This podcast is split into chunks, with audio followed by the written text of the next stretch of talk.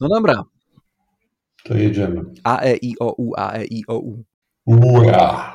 Słuchasz podcastu Fundacji Bezpieczna Cyberprzestrzeń, audycji komentującej bieżące wydarzenia ze świata bezpieczeństwa teleinformatycznego.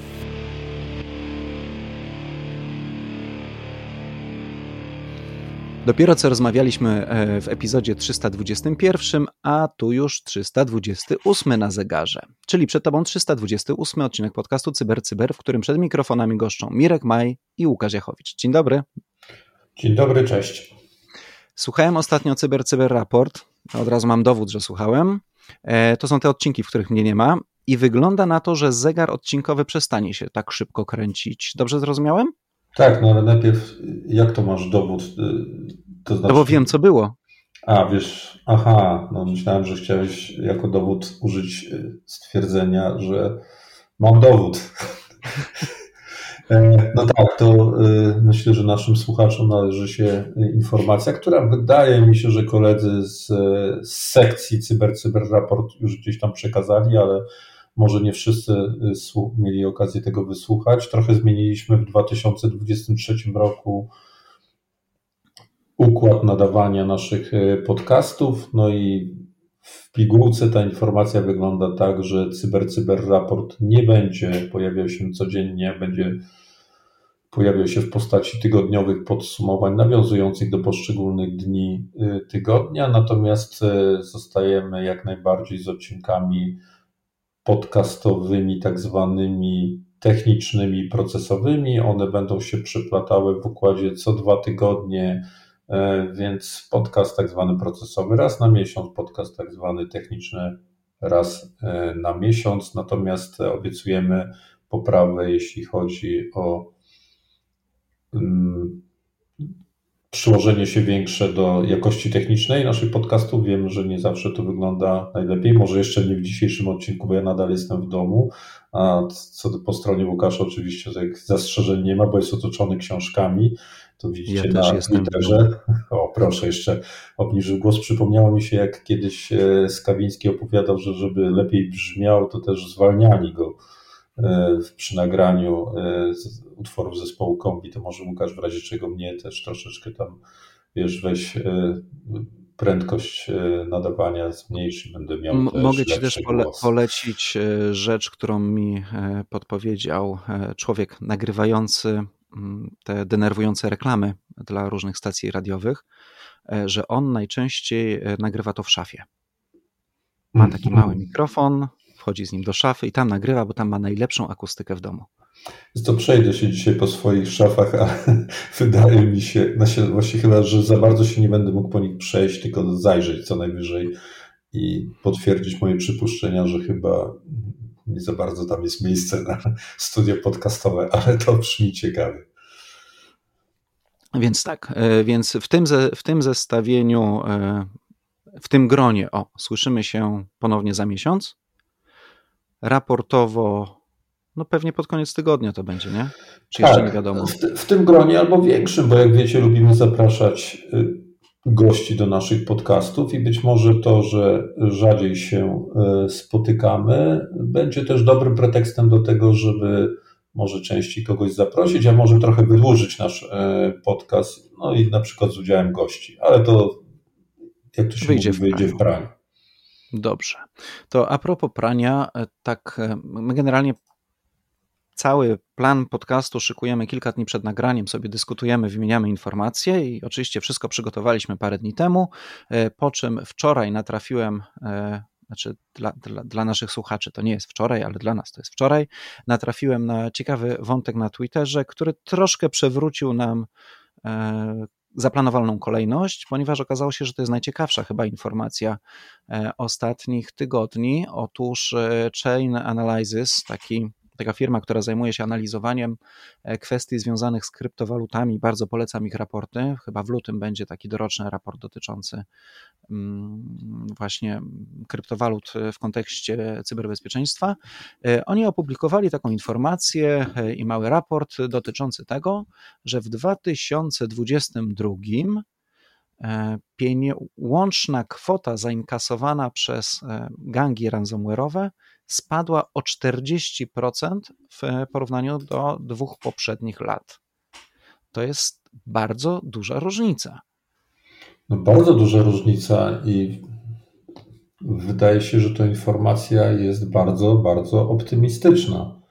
Aczkolwiek tu już bym miał wątpliwości, czy powinniśmy tak bezkrytycznie cieszyć się e, takim prostym spojrzeniem na te słupki, bo e, jest tam pewnie gdzieś drugie, a może i trzecie dno i takie mam trochę po zapoznaniu się z tą informacją i z dodatkowymi komentarzami różnymi na ten temat, no w samym raporcie też uwzględnionymi, to mam wrażenie, że cokolwiek wiemy na temat tego drugiego dna, możemy niewiele wiedzieć na temat tego trzeciego dna. dna. Dlatego, że dużo też wskazuje na to, że to zmniejszenie się opłat związanych z ransomwarem może być wynikiem kilku co najmniej zjawisk i tak naprawdę gdzieś rozpraszać się automatycznie w strefę, która niedokładnie jest w obszarze możliwości jakby takiego skontrolowania, udokumentowania tego, no i krótko mówiąc, dodania do tego słupka, tak żeby on był wyższy. No, Czy oni zwracają na to uwagę, że rzeczywiście ta finalna kwota za 2022 im się pewnie zmieni, tak samo jak im się zmieniało w latach poprzednich, no ale że generalnie trend jest taki, że no, im nagle spadło. Tak, tak twierdzą. Ja ja mam pewne wątpliwości. Znaczy, jeszcze warto dodać, że oni ogólnie twierdzą, że te kwoty, które tu są podawane, to najprawdopodobniej sporo odbiegają od rzeczywistych tak. Że są zaniżone. Tak, no, ale, ale to powiedzmy, że to jest błąd statystyczny, nie w sensie, że mały, bo to mo, może nawet dwukrotnie ten, ale powtarzalne, prawda, że mamy co roku. Więc nie patrzmy na liczby, patrzmy na wysokość słupków. Pa, patrzmy na wysokość słupków. I teraz tutaj mamy ten słupek na dzisiaj blisko, no nie, dwukrotnie to nie, bym przesadził, no ale gdzieś tam na poziomie 3 piątych z roku 2021, tak jak mówisz, jest zapowiedź, że pewnie będzie wyższy, ale mimo wszystko będzie niższy, a my tu wszędzie słyszymy wokół o tym, jak to ransomware po prostu rządzi i y, jakby wycina, y, no może nie wycina całe firmy, no ale budżety wielu, wielu firm poważnie drenuje. No i to, co mnie zaciekawiło, analizując ten raport, to to, e, jakie obserwacje przy okazji są robione, bo tutaj były takie podobane obserwacje związane z tym, jak to na przykład w Stanach Zjednoczonych w lutym zeszłego roku e, wprowadzono e, nie tyle sankcje, co po prostu, krótko mówiąc, zakaz płacenia ransomware'u. To akurat było powiązane, jeśli dobrze pamiętam, stricte z grupą Conti na którą na, no jakby nałożono takie gdzieś tam e, to, to, ten taki model e, ich powiązań e, z rosyjskim rządem, no i w związku z tym nie można po prostu płacić. Bo wiadomo, to, to kwestia, czy można, czy nie można, to wydaje się być, powinna być jednoznaczna, ale od lat się przewija po prostu w różnych, w różnych ustaleniach, również na poziomie rządowym.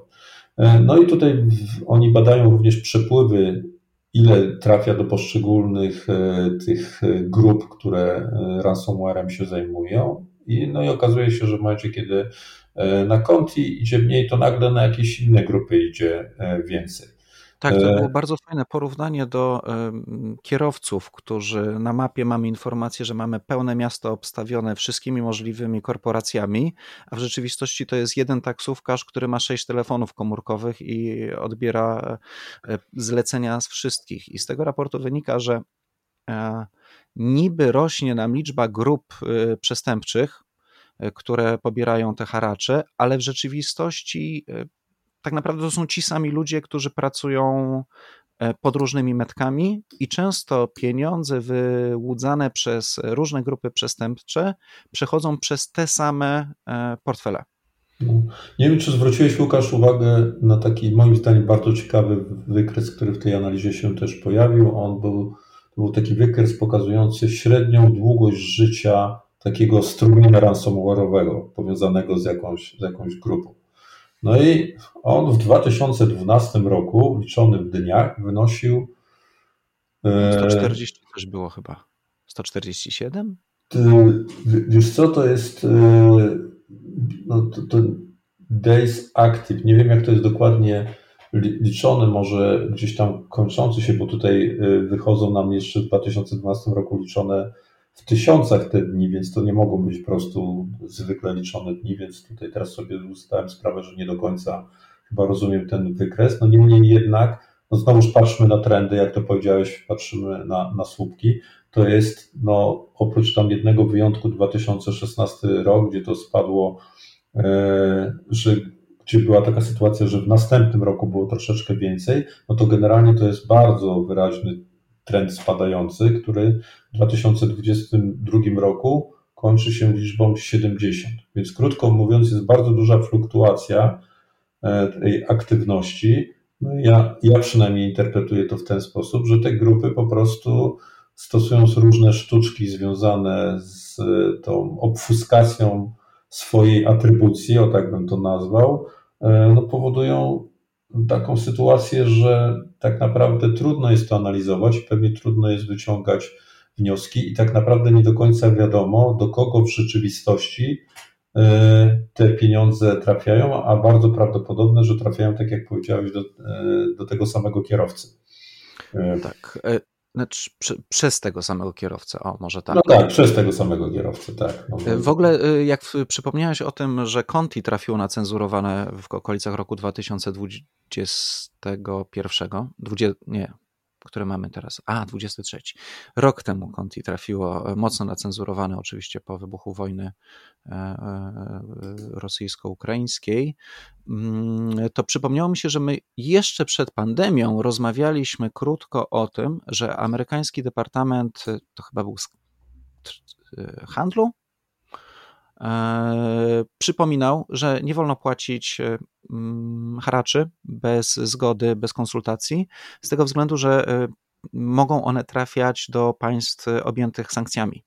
I wtedy to e, sobie pojawiło się i rzeczywiście wydawało nam się, że e, te wypłaty dla atakujących spadną, no bo wszyscy się będą bali e, płacić, e, bo być może będą w ten sposób finansować Koreę Północną. E, tymczasem, jak patrzę na ten wykres 2020-2021, czyli pandemia i moment, kiedy wszyscy siedzimy w domach, to jest gigantyczny wzrost E, liczby, e, wartości zapłaconych okupów. To po prostu się tak wybija jak dwa wieżowce World Trade Center tak naprawdę, bo one są bliźniacze te, te liczby. E, zachęcam do obejrzenia tego wykresu. Potem jest ten spadek, o którym dzisiaj mówimy. I po pierwsze zaskakuje mnie to, że wcale to, ten, ten ban, że tak powiem, na płacenie haraczy nie odniósł takiego skutku, jakiego się spodziewaliśmy. A po drugie zastanawiam się właśnie, dlaczego teraz ta wartość spadła. I z ciekawych rzeczy, również w tym raporcie jest taka tabelka pokazująca, że zaatakowane firmy mniej chętnie płacą e, okup. I jak w 2019 e, roku zapłaciło 76% firm, w 2020 70%, w 2021 50% zapłaciło haracz, to w zeszłym roku już tylko 41% firm, o których wiemy, że zostały zaatakowane, e, ten, ten haracz zapłaciło. I teraz być może troszkę e, stoi za tym kryzys, ponieważ wiadomo, wszyscy oszczędzają jak się da, ale z drugiej strony są cytowani w raporcie różni specjaliści od różnych sektorów cyberbezpieczeństwa e, i tam są informacje tam są podane również inne dosyć ciekawe powody, i dla mnie bardzo istotnym powodem, dla którego e, firmy być może nie chcą płacić haraczy, jest to, że ubezpieczyciele podobno przestają już za to zwracać. W sensie uznają, że odszkodowanie nie należy się na pokrycie kosztów haraczu, tylko co najwyżej na koszt odtworzenia danych czy, czy, czy tego typu rzeczy. To jest jedna bardzo fajna rzecz. A druga bardzo fajna rzecz, i tu znów nie e, ustawodawca, tylko ubezpieczyciel jest tym takim e, motorem pchającym rozwój naszego bezpieczeństwa w e, cyberprzestrzeni. Otóż podobno firmy ubezpieczeniowe odmawiają przedłużenia polis, jeżeli ubezpieczony nie zaimplementuje u siebie jakichś sensownych systemów bezpieczeństwa. I no. moim zdaniem to widać, że żadna legislacja, żadne nawoływania Departamentu Stanu, Departamentu Handlu, Departamentu jakiegokolwiek, tylko po prostu, słuchajcie, nie damy wam ubezpieczenia, jeżeli w końcu nie zaczniecie myśleć o bezpieczeństwie poważnie. No, fajnie przedstawiłeś ten obraz, ja miałem super komentarz, a później ty mi go odebrałeś, bo ja właśnie chciałem o tym powiedzieć, ale na szczęście mam jeszcze drugi element do tego komentarza. W 100% zgadzam się z tym, z tą kwestią ubezpieczycieli. Ja nawet mam taką, e, taki swój e, prywatny pogląd na ten temat, że oni będą, oni będą coraz rzadziej płacili te odszkodowania i generalnie rzecz biorąc doprowadzą do takiej sytuacji, w której, no tak jak mówisz, e, no, wypłacenie tego odszkodowania będzie uwarunkowane tak wieloma różnymi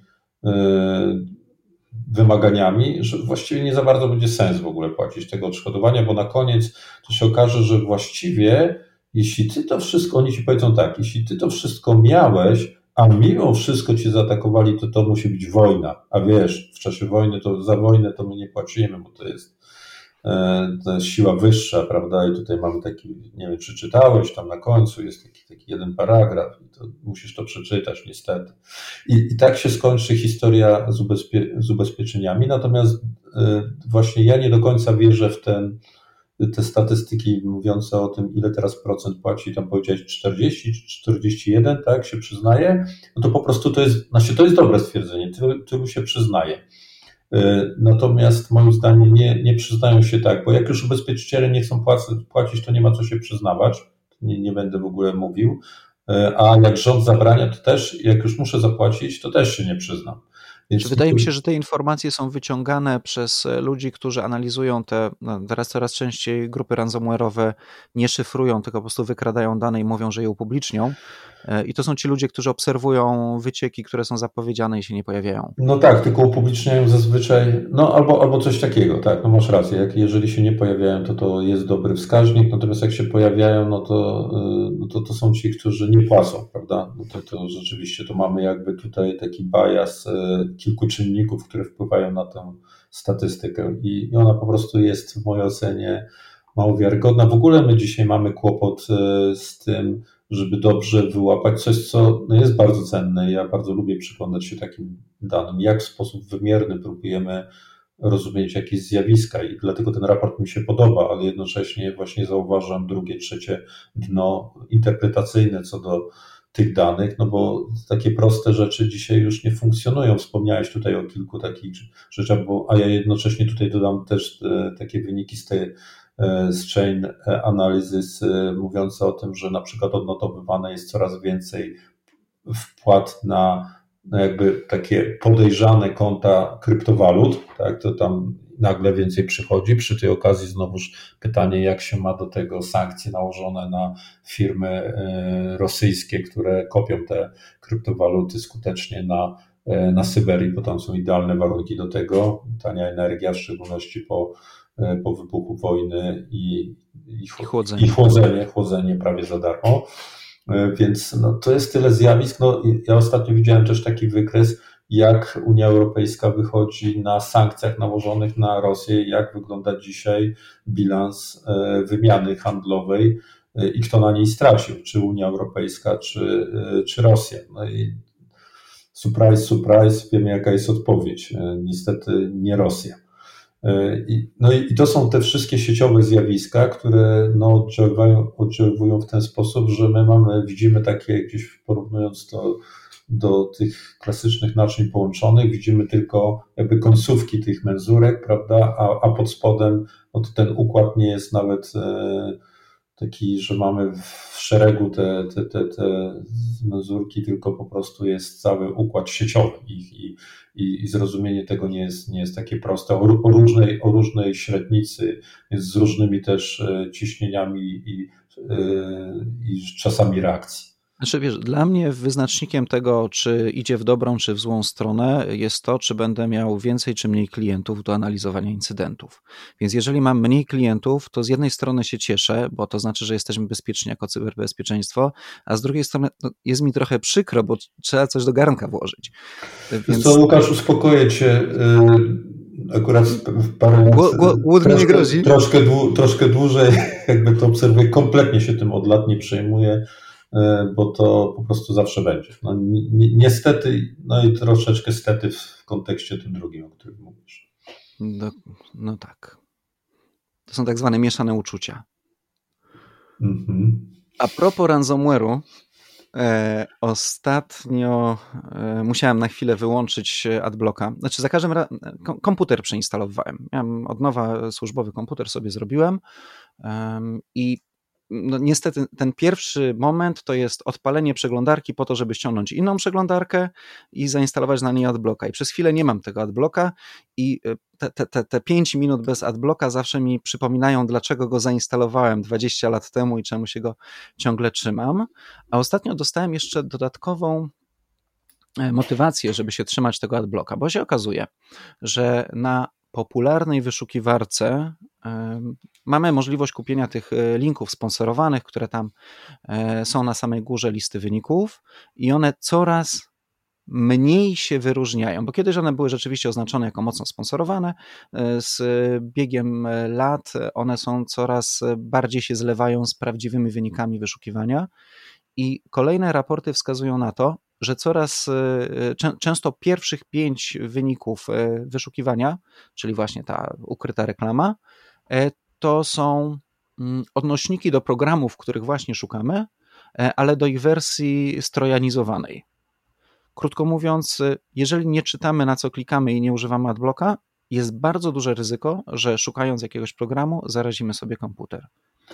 No, to jest ciekawa wiadomość, chociaż samo zjawisko używania, no, tego mechanizmu Google Adsa to już od pewnego czasu jest znane, ale tutaj E, takie techniczne smaczki dochodzą e, ciekawe. No w ogóle mamy na liście tych potencjalnych e, niebezpiecznych aplikacji, w sensie takich, że podstawionych aplikacji znane, znane nazwy, no bo jest tam i Grammarly, jest i LibreOffice, jest, jest AnyDesk, Audacity czy Torrent, prawda? I to są na pewno bardzo popularne serwisy. Natomiast tym, tym smaczkiem technicznym, o którym wspomniałem, to jest fakt, że przestępcy zrozumieli dobrze też mechanizm obrony przed tym, który stosuje Google, który polega na tym, że oni badają y, to, do, kiego, do czego jest przekierowywany użytkownik, no i sprawdzają, jak tam jest malware, no to po prostu nie pozwalają na takie przekierowanie. E, no i właśnie mechanizm przekierowania użyli przestępcy, tylko e, polegający na tym, że e, odwołują swoje te, te podstępne reklamy do stron, które są w porządku. Taką są krótką przesiadką na to, żeby Google sobie sprawdził, że strona jest OK. A tak, na chwil, a tak naprawdę za chwilę przekierowują zainteresowanego, swoją ofiarę do strony już docelowej, na której jest malware. No i zaczyna się po prostu to bardziej skomplikowane. Co więcej, mi się no, spodobał znowu złe określenie, ale zainteresował ten mechanizm, który jest też y, użyty do tego, żeby jeszcze się bronić przed kolejną, y, przed kolejną metodą y, psucia im biznesu, czyli przed, przed tym, żeby te strony badali tak zwani researcherzy. No to po angielsku najczęściej się dla takich speców od bezpieczeństwa używa tego terminu, żeby wyjaśnić, że ktoś tam coś sprawdza, bada. No i oni używają mechanizmów również ze świata marketingu internetowego, czyli te tak zwanych mechanizmów Traffic Direction System, konkretnie tutaj systemu Keitaro, żeby badać na podstawie iluś różnych e, wskaźników technicznych związanych z połączeniem się do, do danego e, serwisu, na przykład związanych z geolokacją, związaną z tym, z refererem, z headerem, z cookies, e, no i tak dalej, i tak dalej, żeby sprawdzić skąd kto, to, to, ktoś jest, jaki, jakiego systemu, jeśli to możliwe, do, do sprawdzenia używa, jakie ma zainteresowania na podstawie cookie, no i wykrywa, a tutaj gościu, który siedzi i analizuje malware tylko, prawda?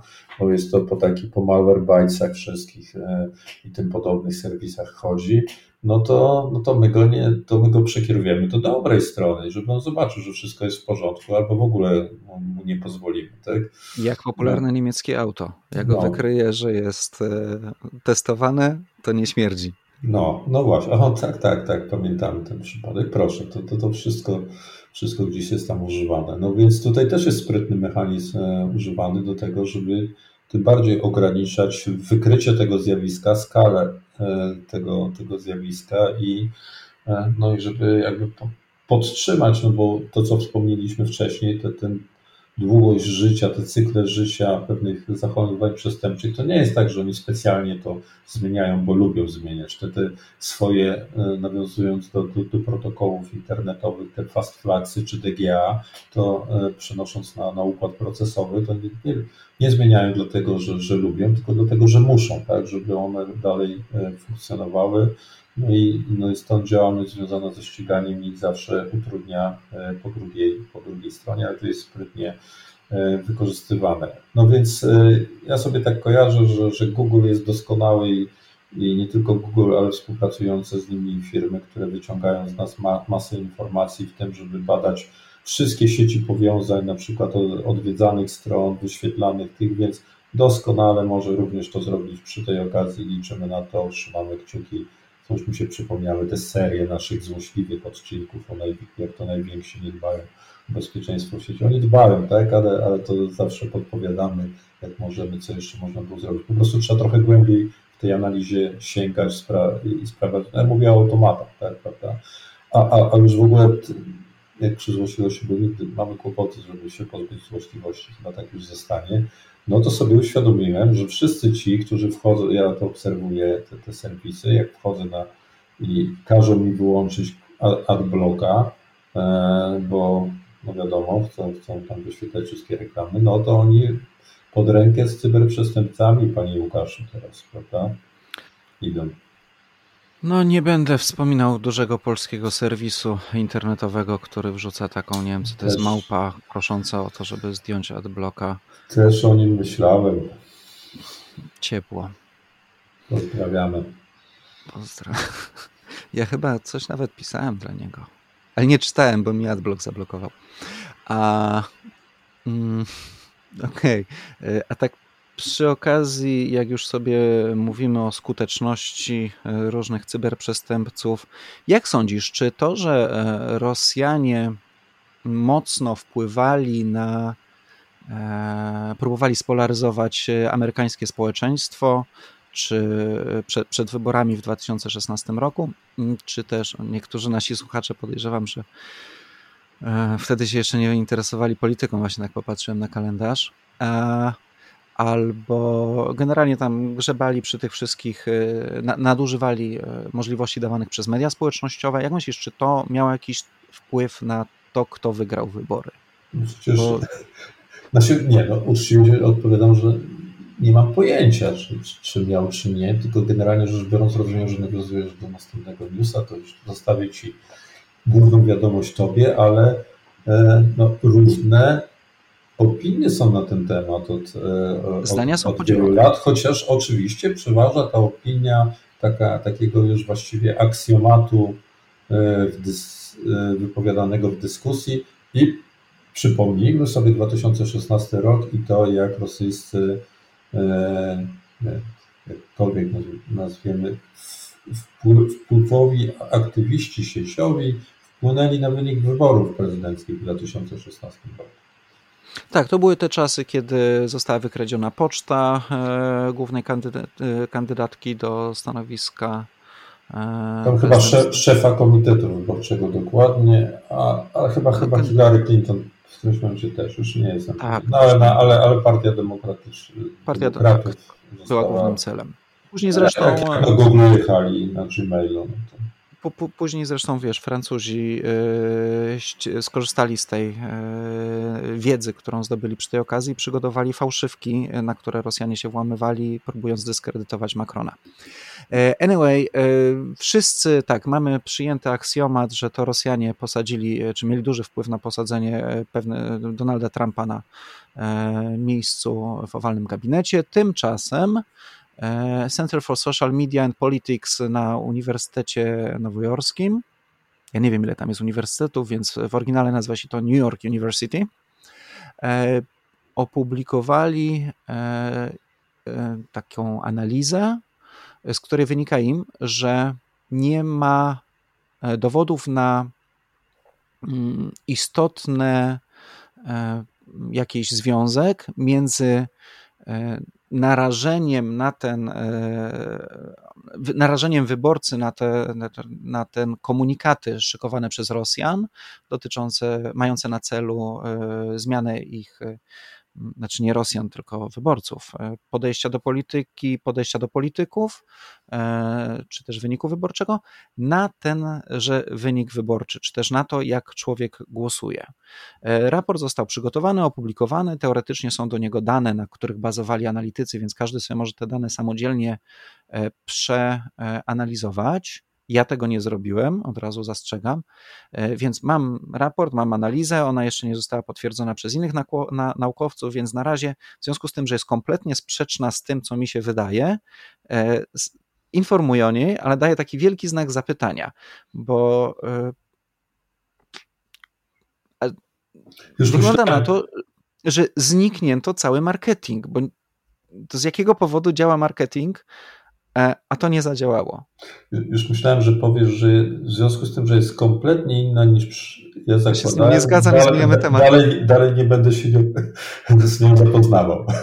E, ale oczywiście tak, tak nie. Ja, ja, też, e, Łukasz, tak jak ty, nie zrobiłem oczywiście tej analizy na podstawie danych, chociaż akurat właśnie to chciałbym podkreślić, że w tym raporcie to na tę chwilę, no, no jakby nie, nie robiąc własnych danych, a, ani nawet uczciwie mówiąc, no nie przeczytawszy całego tego raportu w szczegółach, tak, ale zapoznając się z głównymi jego tezami, ale mimo wszystko uważam to za bardzo cenne. To znaczy, ja jestem zwolennikiem takiego podejścia w ogóle do kwestii badania zjawisk dezinformacji czy różnych operacji wpływu, to znaczy przekładania ich na pole prób badań wymiernych, tak, żebyśmy mogli po prostu odnosić się e, do konkrety, konkretów.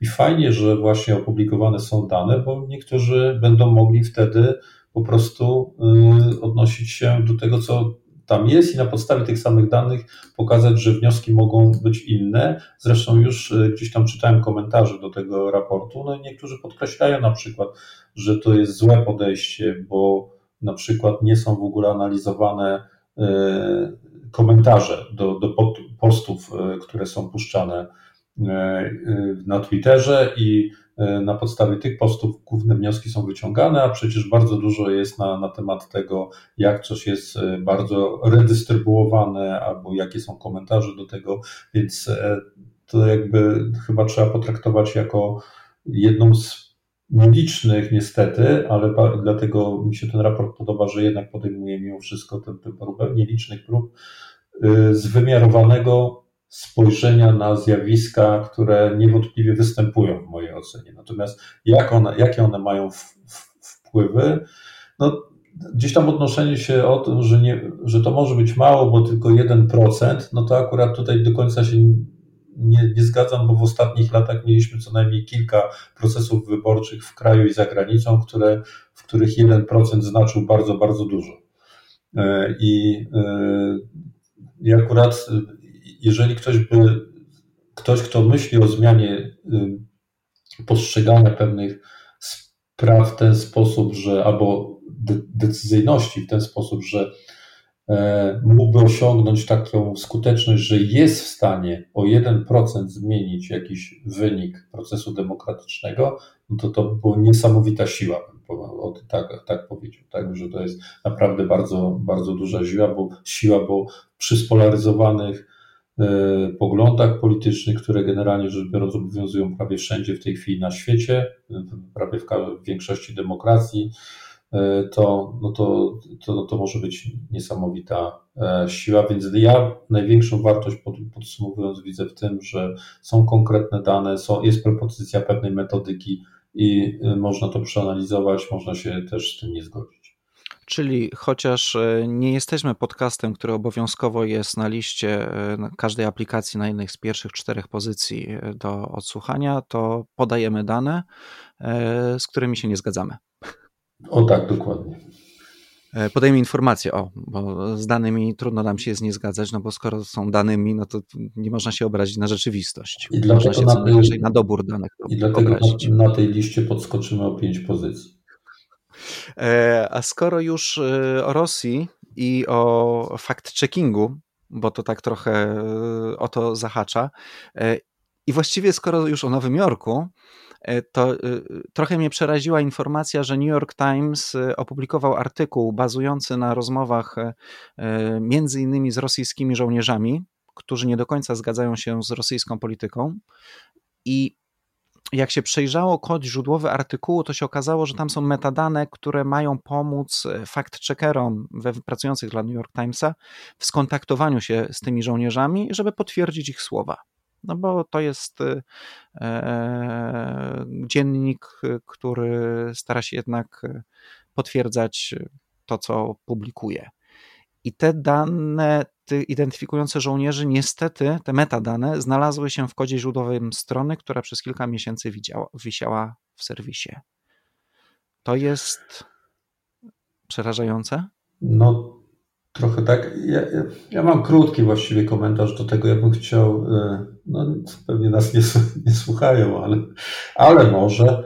Dear friends, from, dear friends from New York Times, from New York City probably.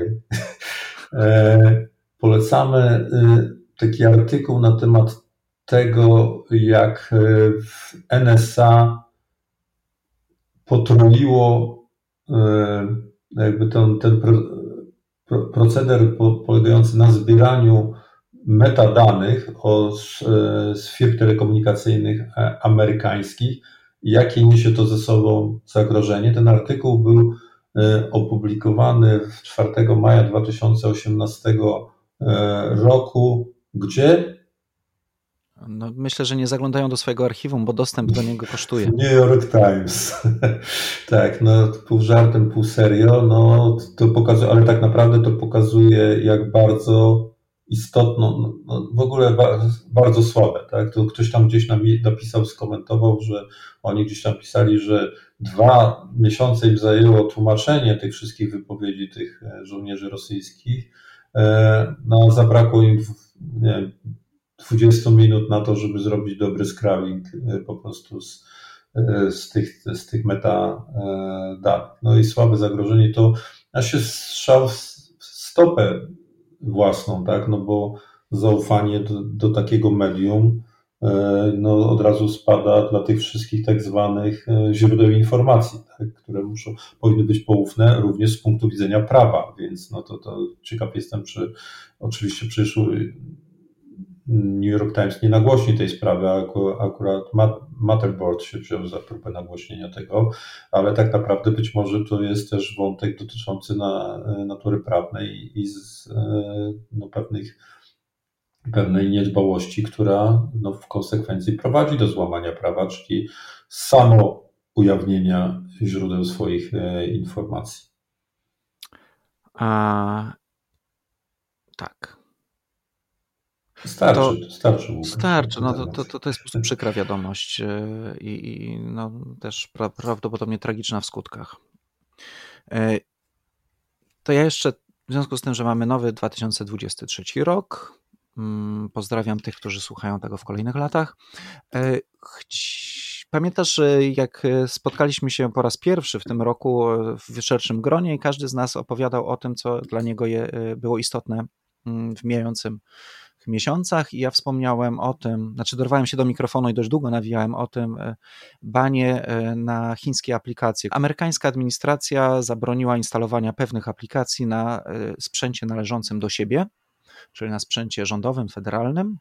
I tak sobie pomyślałem, kurczę, fajnie, no powodujemy, że e, zakazujemy ludziom e, instalowania aplikacji, która może tutaj akurat Chińczykom, którzy są takim dużym graczem na arenie międzynarodowej i niekoniecznie po tej samej stronie bariery politycznej co my, e, ban na instalowanie aplikacji, które mogą przekazywać im dane.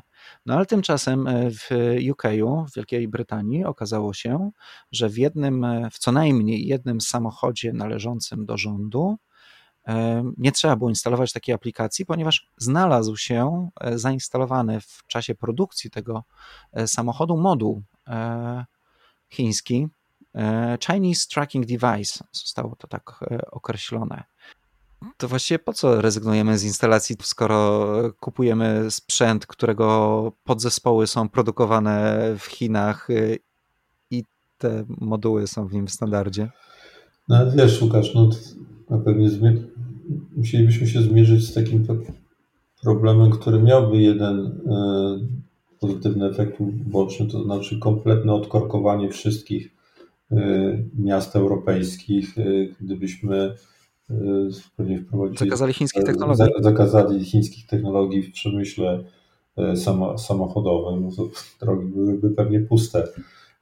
Natomiast, no tak, no to, to kolejny przykład tego, jak technologie już się przenikają z warstwy software'owej w warstwę sprzętową i to tą sprzętową taką gdzieś tam niby taką trochę niezależną, tak sobie samochody jeżdżą gdzieś tam po drodze i one nie są, żaden kabel się za nimi nie ciągnie, no ale to już dzisiaj wiadomo, że nie musi się żaden kabel ciągnąć, żeby był e, stały kontakt i zresztą to myślę, że warto połączyć to z tematem jeszcze jednym, który analizowaliśmy przygotowując się do podcastu, tych badań, które zrobili taka grupa Amerykanów na temat tego, jak dzisiaj bezpieczeństwo w ogóle całego przemysłu samochodowego wygląda, sprawdzając y, przede wszystkim tą warstwę y, aplikacyjną, ale nie tylko, no w ogóle całą, całą technologię otaczającą nowoczesne samochody. Ja czytając to byłem przerażony jak kupowałem samochód, to i to był mój pierwszy nowoczesny samochód, znaczy współczesny samochód, że się tak wyrażę, e, to zaszokowało mnie to, że po pierwsze jest tam taki mm, jak się wejdzie przez 10 poziomów menu e, w systemie e, nawigacyjnym samochodu, to jest taki guzik włącz tryb prywatności. I on wtedy teoretycznie nie wysyła jakichś tam danych. Kłopot polega na tym, że to trzeba zrobić, przejść, przebić się przez to menu za każdym razem, jak się startuje samochód, bo on zapomina, że tak powiem, mhm. w którym pozycji jest ten guziczek. E, a do czego ten guziczek się przydaje? Otóż ten guziczek się przydaje do tego, żeby nie zostać ofiarą ataku, bo jak się okazało, te dane są w różnych miejscach zbierane, e, no i żeby nie zostać ofiarą czyjegoś ataku. Jak się zajrzy na stronę samkary.net, E, to można sobie poczytać taki fajny raport, damy do niego odnośnik, e, gdzie grupa badaczy bezpieczeństwa przyjrzała się systemom e, należącym do albo firm motoryzacyjnych, takich, które produkują samochody, albo do firmy, która mm, zajmuje się takimi urządzeniami do śledzenia samochodów, tak jak jest, nie, wiem, nie chcemy, żeby nam ktoś e, ciężarówką e, jeździł e, na lewo, to montujemy, żeby wiedzieć, gdzie ta nasza ciężarówka właśnie jest. Montujemy sobie taki device i sobie możemy sobie dostać raport, gdzie, gdzie nasze pojazdy z naszej floty są. I mnie również przeraziło, jak bardzo po macoszemu zostało potraktowane bezpieczeństwo tych systemów. Po pierwsze, dało się wejść do e, bazy e, lokalizacji tych lokalizatorów, więc można było podejrzeć, gdzie jest dowolny samochód. Chyba oni mają 15 milionów klientów, coś takiego. E, a po drugie, można było na przykład dowiedzieć się, kto jest właścicielem konkretnego samochodu, bo bazy w, u jednego innego dużego producenta były, że tak powiem, słabo zabezpieczone i można było wejść, podszyć się pod pracownika autoryzowanego przedstawiciela i ten pracownik okazywało się, że miał dostęp do dużej ilości danych. Zdaje się, że też można było zdalnie pogrzebać przy samochodach, pobawić się ich zamkami. Także to już nie jest tak, że musimy być przy samochodzie, żeby otworzyć jego zamek za pomocą Gameboya. E, możemy to też e, zrobić zdalnie, możemy się dowiedzieć, gdzie ten samochód jest. E, plusem jest to, że to było odpowiedzialne ujawnienie tych informacji i większość tych dziur znalezionych została szybko załatana. Minusem jest to, że to znaczy, że te systemy nie przeszły sensownych testów bezpieczeństwa ponieważ to nie były jakieś bardzo zaawansowane techniki przełamywania zabezpieczeń wykorzystane, żeby się włamać do tych systemów. Takie rzeczy powinny wyjść przy pierwszym z brzegu średniej jakości penteście. Mhm.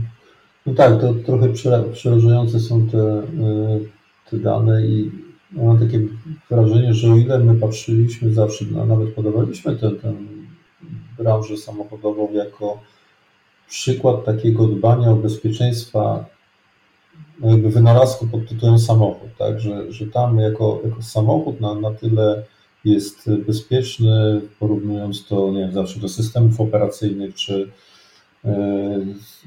takich właśnie software'owych rzeczy, że no, no, obyśmy nigdy nie, do, nie doczekali takich standardów, jakie są przy rozwoju oprogramowania typu systemy operacyjne, no bo co to będzie się działo na drogę. No i to wszystko było prawdą, do, ale powoli mam wrażenie, że niestety chyba wychodzimy już z tego poczucia bezpieczeństwa, no bo w momencie, kiedy zaczyna, to się zmienia, tak? I tutaj są takie kłopoty, o których wspominasz, a jednocześnie to nie dotyczy tylko tam dostępu do jakichś informacji, no ale tutaj no, przyznając specjalne baty takim firmom jak Kia, Honda, Infinity, Nissan, akurat Hyundai, Genesis, to mówimy o możliwości zdalnego otwarcia samochodu, zamknięcia samochodu, e, wystartowaniu w ogóle silnika, uruchomieniu, uruchomienia e, silnika, włączenia świateł, czy włączenia kamer 360. E, I teraz, jeżeli sobie do tego, do, no, no to to jest jakby prze, prze, przerażające, tak? bo to zaczynamy bez, bez. Ja ostatnio miałem okazję rozmawiać z, e, no bo my słyszeliśmy o tych historiach, jak tam ktoś przejmuje zdalnie nawet układ kierowniczy. No i to na, na YouTubie nawet są filmy, ale ja ostatnio miałem okazję rozmawiać z człowiekiem, który bezpośrednio tego doświadczył, który w ramach takiego, takiego testu, na szczęście kontrolowanego, miał okazję siedzieć za kierownicą takiego samochodu i mówił, że to jest przerażające uczucie, że po prostu jakby w momencie, kiedy tracisz kontrolę kompletnie, a, a nie wiem, poruszasz się z prędkością 100 czy więcej na, na godzinę, jest to przerażające odczucie i ono pewnie dopiero uświadamia skalę zagrożenia. A jak do, dołączymy sobie jeszcze, jak już wymienialiśmy nazwy, to wymienimy i, i tę firmę Spireon, która ma, e, zarządza przez swoje oprogramowanie właśnie, które jest tam GPS trackingiem, ma, ma dostęp do ponad 15,5 miliona samochodów, co ciekawe jeszcze pogrupowanych czasami w, flotę, więc możemy sobie zrobić filtr na, na tym, że interesuje nas tylko policja albo karetki pogotowia. E, i z tymi wszystkimi również z tą funk funkcjonalnością trzyokropną, czyli znowu włączamy, wyłączamy silnik e, i no to, no to, to na, naprawdę zaczyna być przerażające. I ja tak sobie też jeszcze drugie skojarzenie mi przychodzi do głowy, że często się o bezpieczeństwie, rozmawiając o bezpieczeństwie technologii 5G mówimy, no to, to musimy mieć kontrolę i tak dalej, bo, e, bo to na przykład może dotyczyć też systemu e, autonomicznego prowadzenia e, pojazdów. No i to jest prawda, no bo sieć 5G jest kojarzona z takimi funkcjonalnościami, tylko okazuje się, że za chwilę nikt nie, okaże się, że nie trzeba wcale mieć jakby kontroli nad siecią 5G, no bo jeżeli e, ja mogę nagle włączyć silniki w 15 milionach samochodów, tak, albo, albo wyłączyć, nie, w ogóle się nie przejmując tym, że czy one jadą, czy nie. Znaczy, ja być może, nie, znowuż pewnie trzeba się wczytać w szczegóły, bo to jest długi raport, być może nasze myślenie jest trochę i te stwierdzenia na skróty, no ale no, czytając jakby podsumowanie tych wszystkich różnych słabości, no to tak to wygląda. No to, to jest obraz lekko katastroficzny. Problemem moim zdaniem jest to, że y, w momencie, kiedy postanowiliśmy umieścić dużo oprogramowania w samochodach, co niekoniecznie jest y, złym rozwiązaniem, przenieśliśmy do y, przemysłu samochodowego te złe zwyczaje, które mamy w programowaniu urządzeń niemedycznych. Czyli zawiesiło się, no to trudno, to się zrestartuje. No ale to nie jest podejście. To nie jest mhm. podejście, które można stosować tak. w urządzeniach, od których zależy nasze życie. No częściowo również prywatność, która w tym momencie troszkę musi zejść na drugi plan, bo rzeczywiście bardziej chyba istotne jest to, żeby nie dało się wjechać nami w ścianę, niż e, zobaczyć, gdzie jesteśmy. Mam, Tego... mam, mam propozycję w związku z tym. E, ja myślę, że do znanego systemu i w ogóle też pewnego takiego ratingu na podstawie tak zwanych crash testów dołożyłbym jeszcze tylko cyber crash test, tak? To znaczy po prostu e, pokazanie, że no tutaj nie, nie, nie możemy po prostu o ścianę uderzyć naszym samochodem bez naszej jakby kontroli. Tak? I tym optymistycznym, znaczy pobożnym życzeniem kończymy 300, czekaj, to zapisane 28. 328 epizod podcastu Cyber Cyber, w którym e, otaczającą nas rzeczywistość komentowali Mirek Maj i Łukasz Jachowicz. Ten, poprzedni i kolejne odcinki znajdziesz, i tu mówię z pamięci, na popularnym serwisie z filmami i nie chodzi o taki płatny, tylko taki, taki, co chce być płatny, e, znajdziesz w swojej aplikacji podcastowej, znajdziesz na stronie Fundacji Bezpieczna Cyberprzestrzeń. E, jednocześnie zachęcam do tego, że jeżeli jest jakiś komentarz e, gdzieś zostawiony i nie ma na niego odpowiedzi, to żeby wysłać nam popchnięcie Twitterem albo mailem, bo ja na przykład nie widzę tych komentarzy wszystkich na bieżąco i mogę coś przegapić. Tak, tak. No i jeszcze przypominamy i dziękujemy za to, że partnerem strategicznym y, naszego podcastu jest koncert. Tak, którego dżingielek gdzieś tutaj w odcinku zostanie za chwilę wmontowany. Albo już go wysłuchaliście. A wy już może go wysłuchaliście, to wyjdzie w montażu. E, w każdym razie e, dziękujemy. E, zostawiamy teraz podłogę, że tak powiem, dla kolegów z CyberCyber Raportu, którzy wejdą w ciągu tygodnia, a my w tym zestawie usłyszymy się za miesiąc. Dzięki i do usłyszenia. Dzięki, cześć.